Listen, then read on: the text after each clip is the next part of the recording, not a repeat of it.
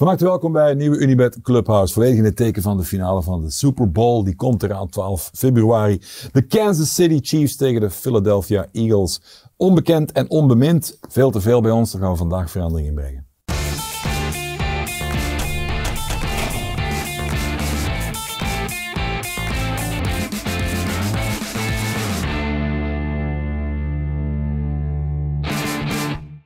En dat doen we met usual suspect Rodrigo. Grote NFL-kenner, dat zal blijken. en Jurgen Nijs natuurlijk, collega van uh, Eleven uh, Sports. En al sinds jaar en dag misschien wel de ultieme, grootste kenner van de NFL in ons land. Ik begin altijd te blozen, maar Ja. ja. De stem van de NFL eigenlijk. De stem eh, van in- in het, geweten, de ziel van de NFL. The Voice. Huh? Ja. The Voice. Kan The je ook zingen? Ja, The Voice. Ja. Zou je in een halftime show overleven, denk je, Super Bowl? Een halftime show? Zou je dat overleven? Ja. Kunnen ze jou op het podium kwijt? Goed, genoeg bescheidenheid. Heren, we vliegen er zo meteen, eh, meteen in. Ik heb een paar dilemma's om, om warm te draaien. Dat is gewoon eigenlijk simpel ja of nee. En dan zien we daarna wel wat er van komt. Ehm, de regels van American football, die kan je aan een totale leek uitleggen in vijf minuten. Ja. Ja, maar of dat je ze begrijpt, dat is iets anders. Maar zo het wel over hebben. Ja. Kansas City wint de Super Bowl puur op recente ervaringen, de laatste vier eh, jaar. Ja. Ja, Nou, dat vind ik een goeie. Eh, de derde, met of zonder Mahomes, Chiefs, hè, van de Chiefs, zal bepalend zijn voor het eh, eindresultaat. Ja. Eh, ja. Goed, dan gaan we zo meteen eh, verder uitweiden erover, jongens. Ehm, vertel eerst eens, er is iets tussen jullie twee en iets eh, op het randje van de semi-illegaliteit gebeurd. Of niet? Maar of het illegaal was, dat zou ik niet, durven zeggen. Maar ik eh, ben ooit nog maar één keer uit een NFL-kleedkamer gegooid. En daar is de man die naast mij zit voor verantwoordelijk. Dus eh, Ja. ja. Eh, was het met promille of, of gewoon ADHD? Wat was het? Nee, de goede nee, zin het is, van? eh, het is, maar je moet er wel bij kaderen. Dat is, dat is eigenlijk, denk ik, uniek aan de NFL. Ik, ik, heb, ik heb het genoegen om met Jurgen, eh, dankzij Eleven, naar, eh, naar een NFL-wedstrijd te gaan eh, in Wembley. Eh, en, en hier kleedkamers in het voetbal, in al, alle andere sporten, dat is eigenlijk een no-go-zone. Maar in Amerika is het eigenlijk traditie dat je als journalist of als reporter of als weet ik veel wat, als je geaccrediteerd bent, mogen ook gewoon in de kleedkamer binnen.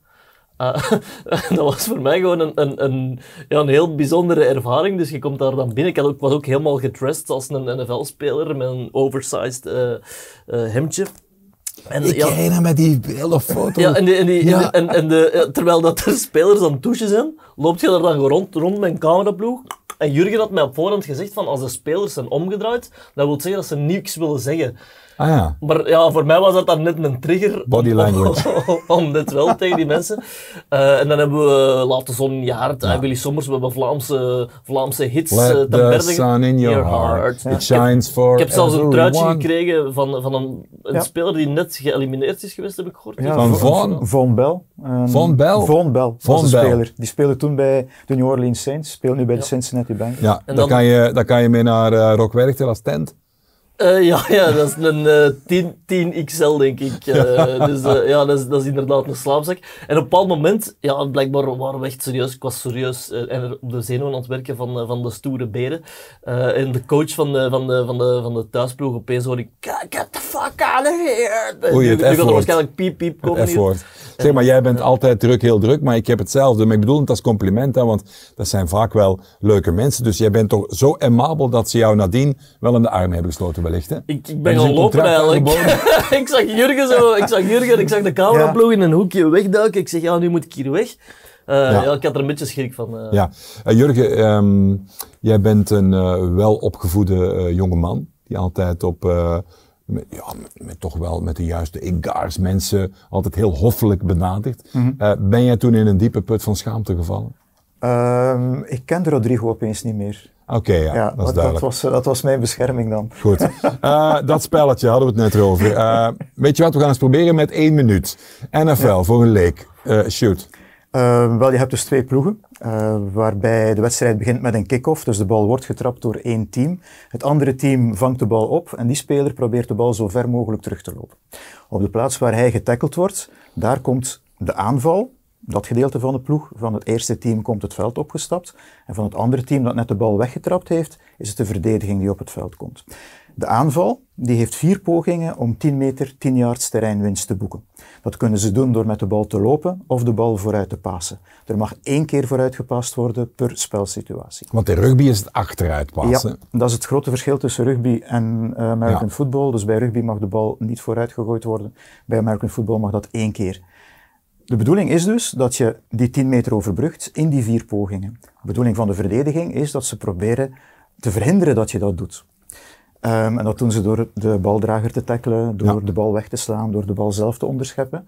Um, heb je wel die 10 meter overbrugd, dan krijg je opnieuw vier pogingen als aanval om opnieuw 10 meter terreinwinst te Tot boeken. je aan de andere en zo steek je het veld over. Eigenlijk is het een beetje, land, ja, is het eigenlijk een beetje land veroveren, een Amerikaanse sport, uh, naar de eindzone aan de Ja. andere kant. Zeg, ik zag onze vriend Rodrigo kijken alsof er 26 minions zijn hersenen waren aan het wegvreten.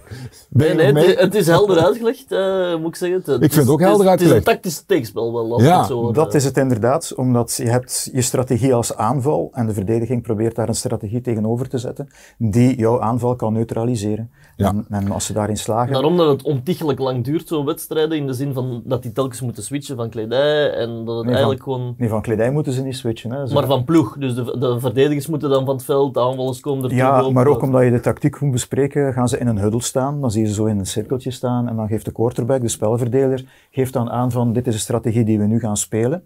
En dat gebeurt dus na elke play, daar hebben ze 40 seconden voor. Dat hoeft niet. Ze kunnen ook een no-huddle offense doen. En dan gaan ze gewoon, het spel is ten einde, dus de, de baldrager is getackled, ze gaan zich meteen opnieuw opstellen en dan beginnen ze opnieuw met de volgende play, pakken ze die 40 seconden niet. Met de bedoeling om op die manier de verdediging eigenlijk te grazen te nemen en eh, in verwarring te brengen. Semi-erotisch tafereel wel, zo'n zo'n handel. Dat is, eh, ja, maar, ja. Zeg, De hoeveel, liefhebbers, eh. hoeveel ehm, gameplays of, of verschillende variëteiten heeft zo'n zo'n team in de, in de handen, zeg maar? Ehm, wel, voor, voor iedere wedstrijd, iedere week maken ze een nieuwe gamebook. Specifiek toegespitst op de tegenstander elke die ze die week hebben. Omdat tactiek. iedere ploeg heeft zijn eigen tactiek en zijn Ja. eigen sterke punten, zijn eigen minder sterke punten waar ze proberen misbruik van te maken. En je moet toch rekenen als ze beginnen in training camp, dus dat is in de zomer, augustus, voor in september dan de competitie begint, dan zit je toch met een playbook waar alle plays in staan, zowel voor offense als voor defense, want dat zijn twee verschillende. Moet je toch rekenen dat dat zo'n turf is die de spelers van buiten moeten Ja. kennen. Ehm, voor we concreet erin duiken, eh, om eens over die, die teams en hun quarterbacks en de coaches en zo te hebben, toch nog eens even vragen. Hoe zit het met de opmars van de populariteit bij ons? Want geef eens een voorbeeld. Ehm, jullie gaan op antenne, zo'n wedstrijd. Dan opent er ook een, eh, de Facebookgroep gaat dan open, dan komen de comments. Hoe geloopt dat? Ehm, dat verloopt vrij goed. We hebben bijna 6000 leden in de groep. Ja. En die kunnen dus tijdens de wedstrijd kunnen die vragen stellen aan de commentatoren. En bijvoorbeeld voor de wedstrijd afgelopen zondag tussen eh, de Philadelphia Eagles en San Francisco 49ers, de halve finale, hadden we voor die ene wedstrijd 390 reacties. Ehm, en wij proberen dan wel te filteren tijdens de, de, de, breaks. Ja. Eh, welke vragen zijn er interessant, welke zijn er nog niet gesteld geweest. En die brengen we dan op antenne en dan geven we daar antwoord op. Ja. Zodat de mensen op die manier ook het spel beter leren kennen. En hoe ver staat de sport bij de ultieme doorbraak zeg maar, in Europa? Want ik was in de zomer zo'n stadiumtour gedaan bij, bij Tottenham. En daar hebben ze zo'n veld dat erin kan schuiven. Ja. Kan je ook de NFL-kleedkamer bezoeken. Die is massive, gigantisch. Hoe ver staat dat, dat dat nog meer komt naar hier? Er is nu ook de European eh, League of Football, de ELF, of de Ja. EFL, die vorig jaar zijn, zijn eerste seizoen gehad heeft. Die zijn nu uitgebreid ook. Dus dat zijn ploegen eh, in Spanje, Parijs heeft nu ook een ploeg, Duitsland, Turkije, ehm, daar zit ook eh, Zweden bij of Finland. Dus die zijn, proberen op die manier eigenlijk eh, Ja. de paden verder te gaan waar ook de NFL Europe eh, bezig geweest is tot tien jaar terug.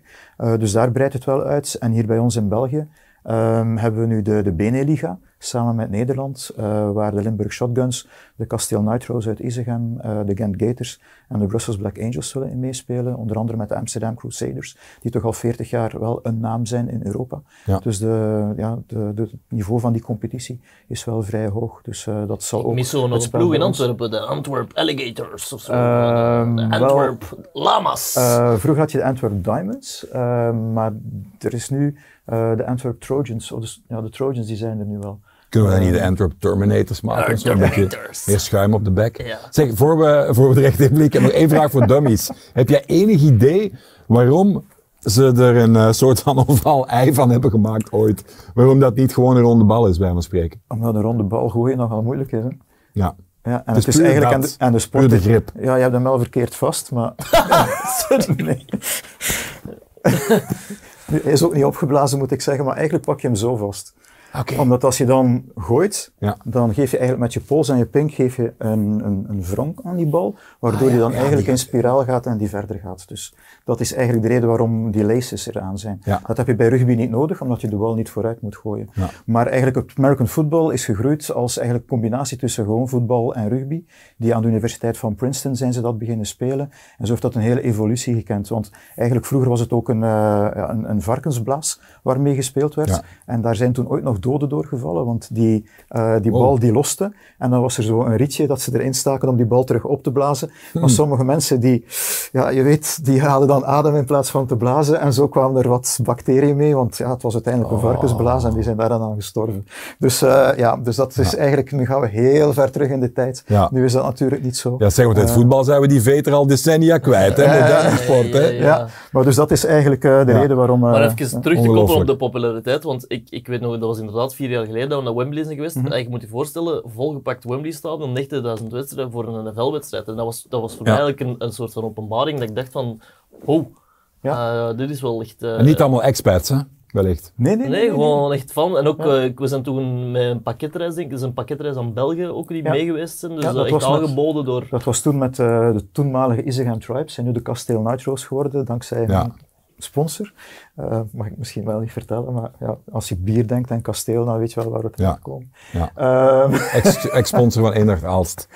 Ik denk de tijd van Gilles de Beelden nog, een eh, Olivier Lamberg, Yves van der Hagen hebben we nog mee gespeeld. Dus wat het zelfs te verleiden. Ja. Eh, duiken we er eens in. Je zei er net Kansas City op basis van de eh, recente ervaring in, bij de dilemma's. Is dat dan zo zeker? het is nooit zeker, hè. Nee, de maar wedstrijd het moet is wel de worden. ultieme. Maar het is nu hun derde Super Bowl in vijf jaar tijd. Eh, terwijl van Philadelphia is het, was het, is het zes jaar geleden, maar van die ploeg zijn er niet zo heel veel spelers meer Ja. overgebleven. Terwijl die van de Chiefs, die hebben eigenlijk wel behoorlijk wat ervaring om Ja. op dat niveau te spelen. Want het is altijd een speciale belevenis. Want eigenlijk spelen ze zo'n Super Bowl, spelen ze eigenlijk twee wedstrijden. Eh, omdat bij een normale wedstrijd heb je 12 minuten rust. Maar nu met de halftime show van Rihanna zit je dus eigenlijk Ah, ook al met het feit ja, dat die, dat duurt veel langer. Dus er zijn Super Bowls waar eh, de spelers eigenlijk douchen tijdens de rust, zich opnieuw aankleden, nieuw uniform, om dan eigenlijk fris als een hoentje aan de tweede Maar een helft te domme beginnen. vraag, maar hoe raakt je in de Super Bowl? Wat, wat is eigenlijk het concept road to the final. de Super Bowl? Is dat dan een soort van de beste, beste tweede dan uiteindelijk? Een soort van we, we- Ehm, wel, je hebt- bekerwedstrijd? Of? Je hebt dus de NFL heb je 32 ploegen die onderverdeeld zijn in twee conferences. American Football Conference en National Football Conference. Daarin heb je telkens vier divisies. Die spelen elk 17 wedstrijden.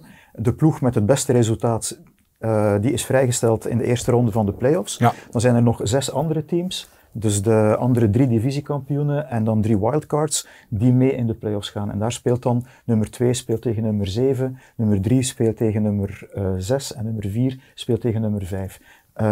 win and you're in. Eh, lose en ja, you got to go home. Dus daar eh, is het echt maar één shot. Je speelt één wedstrijd, de winnaar gaat een ronde verder, eh, de verliezer die is uitgeschakeld. En zo kom je dan eigenlijk naar de Conference Championships, waar je dus er nog twee over hebt, na twee rondes eigenlijk. En de winnaars van die halve finales, die spelen dan eigenlijk de Super Bowl, wat dan eigenlijk de kampioen van de American Football Conference en de kampioen van de National Football Ja. Conference is. Zeg, stel dat het een exacte wetenschap zou zijn, die sport. Hoe zou die finale dan verlopen? Wat is het scenario? Eh, dat is een heel moeilijke, daar heb ik eigenlijk nog nooit over nagedacht. Ja, denk ik zeggen. Eh, omdat er zijn zoveel variabelen. Ja, eh, dat maar dat- met, met de krachtverhouding, de waardeverhoudingen, wat je gezien hebt in de, in de vorige wedstrijden? Nu met deze twee teams, Ja. dan denk ik dat als je het wetenschappelijk zou gaan benaderen, dat de Philadelphia Eagles door veel te lopen met de bal de leiding zullen nemen en door veel te blijven lopen met de bal ook veel tijd van de klok zullen halen, zodanig dat Mahomes en de offense weinig op het veld komen en je moet de bal hebben in principe om te kunnen scoren. En op die manier, eens Philadelphia op voorsprong komt, eh, dan denk ik dat ze die voorsprong zullen kunnen monopoliseren op die manier. Ja, ehm, in vele sporten kan je min of meer, als je de sport goed volgt, kan je na pakweg een uur of anderhalf uur of na een half uur, kan je inschatten wat het verder verloop zal zijn van zo'n wedstrijd. Hè? Hoe zit dat in, in de NFL? Wanneer zou je kunnen weten, dit wordt niet meer ingehaald? Wat zijn dan de scenario's? Ik zou zeggen als er 21 punten voorsprong zijn. Dan is het voorbij. En dan nog, want dan hebben we Super Bowl 51, waar het op een gegeven moment 28-3 staat. En toch komt Tom Brady nog terug, forceert de verlenging en winnen de Patriots nog de Super Bowl. Maar dat is een Brady one-off, zeg maar. Uh, ja. Uitzonderlijk talent, hè? Dat, ja, maar Mahomes is ook een uitzonderlijk talent van een nieuwe generatie. Dus ja, je weet het eigenlijk nooit, moet je eigenlijk Zet ze eens tegenover elkaar, die twee. Uh, wel, ze hebben al tegenover elkaar gestaan in maar de Super Bowl. als je ze, jij gaat ze uh, vergelijken. Wel, Goat en Little Goat. Uh, ik, ik, denk niet dat Mahomes erin zal slagen om het palmares van Brady bij elkaar te spelen. En dat heeft dan ook te maken met het team, maar ook hoe ondertussen de NFL geëvolueerd is. Ja. Um, maar hij is wel bijna een once-in-a-generation speler, net zoals Brady dat eigenlijk ook geweest is. De quarterbacks, dat weten we wel, die zijn uh, nogal relatief bepalend in zo'n uh, mm -hmm. in zo'n Super Bowl. Zeg daar eens iets over. Uh, Kansas tegen uh, de Eagles. Hoe zit dat? Je hebt bij, bij de Chiefs, bij, de, bij Kansas, heb je dus Patrick Mahomes. Um, die, ja, zoals ik zei, waarschijnlijk een once-in-a-generation speler is. Ja. die de bal gooit op alle mogelijke manieren. Um, die in die Super Bowl tegen Tom Brady zelfs erin geslaagd is om de bal al zwevend te gooien, dat hij eigenlijk volledig van de grond was ja. en toch nog een paas wist, wist, te gooien die dan gevangen werd ook.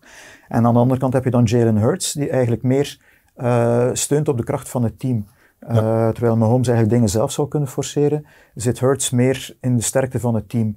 Geen fouten maken, gewoon uh, gebruik maken van dat lopen met die bal. Zelf ook lopen met de bal, want daar is ook zelf heel sterk in.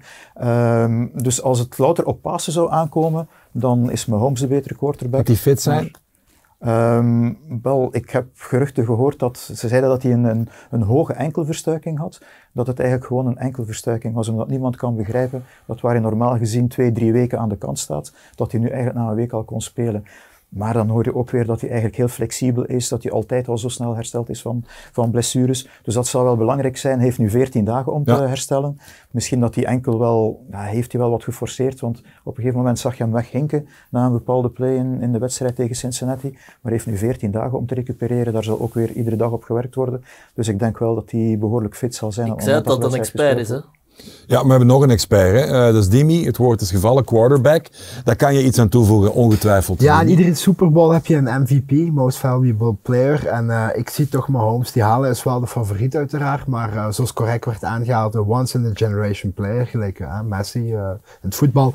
Ehm, en de Chiefs zijn weliswaar underdog in deze wedstrijd, eh, omdat het team vooral leunt op Mahomes, terwijl eh, Philadelphia meer een bredere kracht heeft. En ik geloof dat de Chiefs wel kunnen winnen met hun ervaring, zoals eerder aangehaald hier.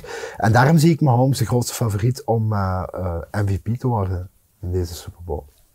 Jij knikt instemmend. Ja, het zal er enkel van afhangen of de Chiefs inderdaad de wedstrijd winnen of niet. Want Ja. meestal gaat die trofee naar iemand van het winnende team. En misschien, voor mensen die, die een extra gokje willen wagen, Hassan Reddick, dat is een van de verdedigers van Philadelphia. Sinds die erbij gekomen is dit seizoen, is die verdediging enorm sterk geworden. Het is nog niet zo vaak gebeurd dat een verdediger MVP geworden is. Maar ik denk als hij zijn stempel op de wedstrijd kan drukken, dat dit misschien wel nog eens een uitzondering Ja. zou kunnen worden. Plus de coach van de ene is de ex-coach van de andere. En niet zomaar de ex-coach. eh, levende legende heb ik me laten vertellen bij, bij het ene team. Ja, je, kan maar so many plays uitvinden eigenlijk. Hè. Dus wat is de invloed daarvan? Hoe gaat dat bepalend zijn? Ik denk dat die invloed niet zo groot zal zijn. Omdat We noemen het nog eens, de naam en eh, Ja, van... dus Andy Reid is de headcoach nu van, van, eh, van Kansas City. Ja. Eh, was de headcoach van Philadelphia. Heeft ook met Philadelphia een Super Bowl bereikt. Heeft hij dan verloren van, van de Patriots. Ehm, is daar 14 jaar headcoach geweest. Heeft Ja. daar de basis gelegd. En eigenlijk zijn filosofie van een goede verdedigende lijn en een goede aanvallende lijn. Dat is de basis waar alles mee begint. Die wordt ook door de huidige coaches nog eh behartigd, die filosofie. Maar er zijn niet zo heel veel spelers meer die hij zelf gekozen heeft. Ehm, dus vandaar dat hij, en ook de headcoach Nick Sirianni, is niet van zijn coaching tree. Want je hebt zo'n coaching tree, je hebt een heel goede coach zoals Reed is. En zijn assistenten die worden dan weggeplukt door andere teams. Ehm, en die gebruiken dan zijn filosofie om daar dan weer te bouwen. Zodat je dan eigenlijk wel behoorlijk ploegen hebt die behoorlijk aan elkaar gelijk zijn en, Ja. en gewaagd zijn. Maar Sirianni die komt van de coaching tree van Frank Reich. En die komt weer van een heel andere filosofie. Dus vandaar, het is wel zijn ploeg en je hebt nog wel diezelfde filosofie wat aanvallende lijn en verdedigende lijn betreft. Ja. Maar er zijn heel wat andere segmenten bijgekomen en heel wat andere dingen, waardoor ja, Reed kent die ploeg nog wel, maar ook niet meer zo goed dat hij zo Nee. zal kunnen zeggen van dit zullen ze nu doen. Kort tussenvraagje. Is het eh, NBA draft gewijs? Is het met miljoenen gooien zoals in de Mercato in het voetbal? Hoe, hoe gebeurt dat in NFL? Er is een salary cap, Ah. Dus je mag maar zoveel uitgeven voor Ja. al je spelers, of je, verliest, of je verliest draftkeuzes. Ehm, dus wat dat betreft zit je wel met een bepaald bedrag dat je maar kan uitgeven. En ook daar zit je weer met een verschil in filosofie, wat dan eigenlijk, ehm, ja, nu zitten de puriteinen, eh, de puristen erop te kijken van, wat is de beste filosofie om een team te bouwen? Want je zit met Kansas City, waar Mahomes enorm veel betaald wordt, waardoor hij net iets minder talent rond zich heeft. Aan de andere kant heb je Jalen Hurts, de quarterback van de Eagles. Die zit nog in zijn rookiecontract. Dat is ook vastgelegd hoeveel ze mogen verdienen per jaar. Ja. En die wordt minder betaald, waardoor er meer geld is om sterkere spelers, waaronder die Hassan Reddick Maar- bijvoorbeeld, te betalen. Wat maakt dan een, een, een ploeg succesvol? Is het een beetje te vergelijken met voetbal? Is het degene met het beste transferbeleid? Of is het toch meer doorstroming van het, de colleges? Of, of eh, wat maakt een ploeg succesvol? Wat je zelf zegt, de ploeg. Ja. Eh, je bent maar zo sterk als je zwakste schakel. Collectief. Want Ja, je hebt er wel heel veel. Hè? Ik bedoel, in Amerika, het is, het is in de Super Bowl wel altijd verschillende teams, heb ik de indruk, die de finale bereiken. Dat maakt het ook wel zo fijn, denk ik. Ja, dat maakt het inderdaad leuk. Er is die film van Oliver Stone, Any Given Sunday. Hm. Dat is eigenlijk het perfecte credo wat de NFL is. Ja. Eh, jongens, doe even een quizje tussendoor. ja. We nog wat eh, persoonlijke vu- vuren afvragen, wilde ik zeggen. Eh, vragen afvuren, dat is de juiste uitdrukking. Ehm, ik heb de vragen vrij algemeen gehouden, zodat eh, Rodrigo ook kan, kan meespelen. Hè? Dank je, dank je ja, Dave. Ja, voilà, dan heb je ook een kans Ik heb tenminste. een Dat- hulplijn nog Dat toch. is toch wel iets, hè? Ehm, welke twee steden hebben tot nu toe het vaakst de Super Bowl georganiseerd? Zoek twee steden. Jij mag Atlanta. eerst zeggen. Atlanta en wie nog? En eh, Zeg. Los Angeles. Miami en New Orleans? Ja, voilà, natuurlijk. Ja, En eh, het, het gekke is, dan denk je nog bij het opstellen van die vraag, ehm, zou, hij kent er zoveel van, zou hij dat dan effectief weten? Ja, hoe dom ben ik dan, hè, dat ik me dat nog afvraag. Dat is gewoon, Ze hebben ooit gezegd, eh, Jurgen kent de negen delen van de encyclopedie van de NFL. En nummer 10 zijn ze nog aan het schrijven. Dus, ja. Dan heb ik een andere vraag, want Nu moet eh, ik wel opletten, want daar heb ik wel... eh, nu, nu komt het natuurlijk. Hoeveel geld spenderen Amerikanen gemiddeld aan bier voor, na en tijdens de Super Bowl? Voor, na, tijdens. Ja, dus het hele, de hele experience, en dat is de, daar duur, hè? de beleving, Super Bowl. 100 dollar. Alles samen, hè? in het stadion of thuis? In het eh, BNP-land nationaal gewijs. Ah. Ja, ja, in het hele land. 100 dollar is wat weinig. Hè? Ehm 10 miljard. Dus echt hoeveel in heel het land Ja, uitgegeven wordt. economisch. eh, Eh, welke grootorde zitten we dan? ik zou ietsje minder zeggen. Ik zou ja, 5 miljard zeggen. hè. Het is 1,3 biljoen. Wat? Ja. Bier, maar goed, dat is minder sterk dan bij ons. Hè? Oké. Ja. Eh, de laatste, die kan, je, eh, die kan je wel weten, kan je misschien gokken. Na welke halftime show kwam er een totale blackout in het stadion? Oh, was dat niet Weten we dat nog? Justin Bieber? Nee. Nee, dat was Super Bowl 47 in New Orleans toen de stroom uitviel. Eh, nee. Ik heb het over Beyoncé 2013. ah, Met de Nipplegate en zo. nee, nee. Nee, dat is Janet? Dat was Janet Ah, Jackson. ja. Dat was Janet. Ja. Goed, maar eh, ja, voor jou, die dag, dat is, dat is, dat is de, de hoogdag, hè? Ja. De hoogmis, hè? Ja. Dan sta jij op 's morgens, dan ligt jouw beste onderbroek klaar. Of hoe zien we dat? Ehm, wel, nu zal mijn Stripes. Nu zal, nu zal mijn beste hel- hemdje klaar liggen, want we komen waarschijnlijk in beeld tijdens de Ja. wedstrijd. Ehm, maar ja, hoe beleef je dat? Er is natuurlijk een groot verschil tussen het hier beleven en als we de kans hebben om ter plaatse te gaan. Dat heb je ook gedaan, Ja, dan, ik heb er twaalf van ter plaatse kunnen doen. En dan is het eigenlijk echt, ja, dan 's morgens opstaan, ontbijten. Dan heb je die, ja, die anticipatie om er naartoe te gaan. Je wandelt dan ook tussen de fans die al rond het stadion zijn. Ehm, dan, dan, echt, dan, dan ga je echt naar. Dat gaat echt crescendo naar het hoogtepunt. En dat is dan eigenlijk het begin van de wedstrijd. Hier is dat ietsje minder, maar Ja. ik ontbijt ook wel rustig. En dan neem ik nog eens mijn, mijn voorbereiding ook nog eens door. Ehm, en dan is het eh, rustig naar de studio gaan. Koptelefoon, Daar, eh, hip-hop beats. Ja, zoiets. Eh, eigenlijk wel nog luisteren naar de laatste podcast, naar het laatste nieuws. Eh, kijken of dat daar toch nog dingen zijn die je gemist hebt. Ehm, en dan met de collega afspreken van, oké, eh, zijn er nog dingen die jij gelezen hebt? Of, en, en dan met elkaar afstemmen. Ja. En dan Maar van waar de passie, Jurgen? De, is ooit geboren en dan opeens beseft je van, ik hou van American football? Of, Eh, wel, de passie is eigenlijk begonnen in het Ons Lieve Vrouwencollege in Oostende. Toen ik in het eh, vierde middelbaar zat, zo ongeveer. Eh, toen hadden we Channel 4 bij ons op de kabel aan de kust. En iemand had op een zondagavond die wedst- een wedstrijd gezien. En dan op, tijdens een van de pauzes van... ah, gisteren die sport gezien en ze vliegen tegen elkaar en dan die bal die diep gegooid wordt. En dan denk je van, hm, dat zou ik toch ook wel eens willen bekijken. En dan inderdaad, om 7 uur zondagavond, Channel 4. En dan krijg je, of kreeg je eigenlijk een wedstrijd van de zondag ervoor. Dus liep je eigenlijk al een week achter. Die wedstrijd die was helemaal verknipt tot drie kwartier, want ze had ook nog een kwartier nodig voor de highlights. En natuurlijk ook nog de commercial breaks ertussen en zo. Ja. Maar ja, dat was inderdaad spectaculair. En omdat er zo weinig over te vinden was, begin je dan natuurlijk extra gefocust. Dan ga je kranten zoeken, USA Today, om te kijken van die statistieken. En dan heb, krijg je je favoriete ploeg. En dan vind je op, eh, op de middengolf, vind je dan American Forces Network, de Amerikaanse radiozender. En dan zit je met zo'n kleine transistorradio te luisteren. Eh, en dan ga je de beste plaats opzoeken om te weten van, om, om toch iets te kunnen horen. En op het hoogtepunt komt daar dan opeens Barcelona, Real Madrid tussen geroepen. Of een of andere Arabische zender en dan ben je het weer kwijt en dan moet je terug. En, en ja, Ik dacht ja. dat er een climax ging komen. Ja, ja, nee, nee. Maar dus, eh, ja, maar dus zo begint dat, ja. Eens je die microben te pakken hebt, dan, ja, dan... Ongelooflijk. Ja, ja. En jaren later win je dan de prestigieuze Unibet Clubhouse quiz. Omdat je er alles van weet. ja. Ongelooflijk, hè? Ja. Wat is het meest markante dat je ooit ter plekke hebt eh, meegemaakt? Tussen de fans, iets anders, een tribune die instort, whatever. Eh, er zijn eigenlijk twee dingen. En twee met de Dallas Cowboys erbij. De eerste die blijft altijd bij. Dat was in Arizona ook toevallig, Super Bowl 30. Eh, we waren daar, eh, we kwamen, waren de sfeer aan het opsnuiven, zoals ik zei, buiten het stadion, eh, buiten Sun Devil Stadium. En er waren twee cameraploegen, eentje van Dallas, eentje van Pittsburgh. Dat waren de twee teams die tegen elkaar speelden. En die stonden nog geen, geen 20 meter van elkaar, stonden die opnames te doen. En die wilden beide van de fans zo'n chant.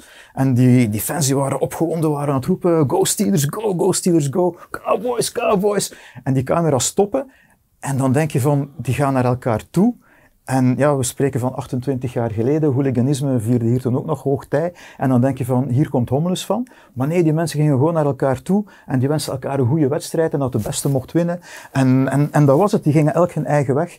En dat is een moment dat mij altijd bijgebleven is om eigenlijk, ja, die sfeer rond, rond die Super Bowl, rond dat American football, dat is eigenlijk gewoon één groot familiefeest. Ja. Daar komt het eigenlijk op neer. En iets anders uit, uit de biecht klappend, wat, eh, wat als je eh, ooit later aan de, aan de familietafel zit, als je oud, grijs en wijs zal zijn, waar je denkt, zal, het is, zal, zal zijn. ja, ja, dat je denkt, het is toch verjaard, ik kan het nu wel zeggen, zoiets. Ehm, tja, dat was die andere dan. In, in Zo'n à la Rodrigo verhaal eigenlijk. Eh, wel, nee, die zal ik altijd blijven vertellen, want dat, Ja. dat is de topper. Nee, die maar hoe komt dat dat je in de kleedkamer mocht? Even de, voor Maar dat is gewoon de Amerikaanse is sportcultuur. Dat is Amerikaanse sportcultuur. Dat is bij alle sporten zo. Dus journalisten Dat mogen zijn de gewoon in de beatwriters kleedkamer... die, die binnen mogen. Ja. Ja, Ja. dat was daar ook de in het voetbal, Ja, daar halen ze de beste verhalen. Was dat vroeger in het voetbal ook? Absoluut.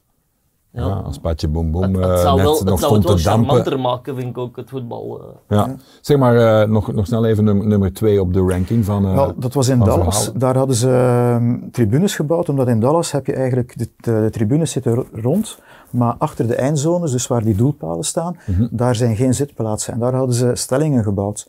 Ehm, en dat waren eigenlijk ook tribunes aan de ene kant, ook aan onze kant, want onze, eh, onze, onze cabines zaten daar bovenop. Maar ze waren die op zaterdag, toen wij gingen soundchecken, waren ze nog aan het verder in elkaar doen. Dus iedere keer als er geklopt werd op die stelling, ging onze boet zo'n beetje vooruit. Dus dat was al geen te prettig gevoel. Maar aan de andere kant was er ja, heel wat commotie. En toen bleek dat die stelling door de brandweer eh, afgekeurd was. Dus er waren mensen die tickets hadden. En ja, de gemiddelde ticketprijs dit jaar begint eigenlijk met een bodem van 5000 dollar. Dus Ja, dat daar- was toen ook wel behoorlijk, eh, behoorlijk hoog. Dus er waren daar mensen die een ticket hadden, maar die dus niet binnen mochten, want die hadden geen plaats. Komt daar ook nog bij dat je je vlucht moet betalen, je hotels, van al die hotelkamers. De prijzen daarvan die gaan natuurlijk ook als een, als een speer de hoogte in. Als dat is toch een elitesport dan? Hoe komt ja, dat? ja, van ja, ja, ja. Omdat die tribune niet veilig was. Dus uiteindelijk zijn al de mensen van de NFL die in het stadion waren, die hebben een plaats moeten afstaan. En de mensen die zaten dan ook op de trapjes tussen de tribunes, wat ik ook niet zo heel veilig vond. Nee. Maar de, de sfeer rond het stadion, dat is de eerste keer dat ik een agressieve sfeer rond een stadion gevoeld heb. Ja. Gewoon omdat die mensen daar, die werden eigenlijk als beesten in een bepaalde zone gedreven. En ja, die voelden dat ze niet binnen gingen kunnen. Dus dat ging wel... Maar eh, nu ook ja. minimum 5000 Ja. euro. Dat is Dat, toch- dat, dat, is Dollar. nu de, ja, dat is nu de basisprijs Eh, waarop de tickets nu zullen beginnen. Ja. Maar hoe, hoe kan dat? dat is toch, je zou toch denken, American Dream, sport voor iedereen, democratie, niet dus. Nee. Dus daar Het zitten is- eigenlijk is- alleen ja, grootgrondbezitters op de... Wel, het is zo, de tickets worden ook op een bepaalde manier verdeeld. Uh, dus beide teams krijgen 17,5% van de tickets.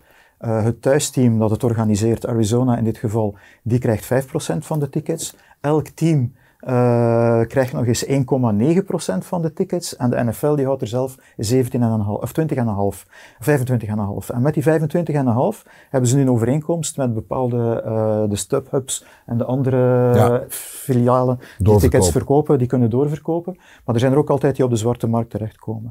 Maar in 2015 um, zijn de prijzen echt door het plafond gegaan. Daar werd toen 10.000 dollar betaald voor een ticket als basisprijs gemiddeld.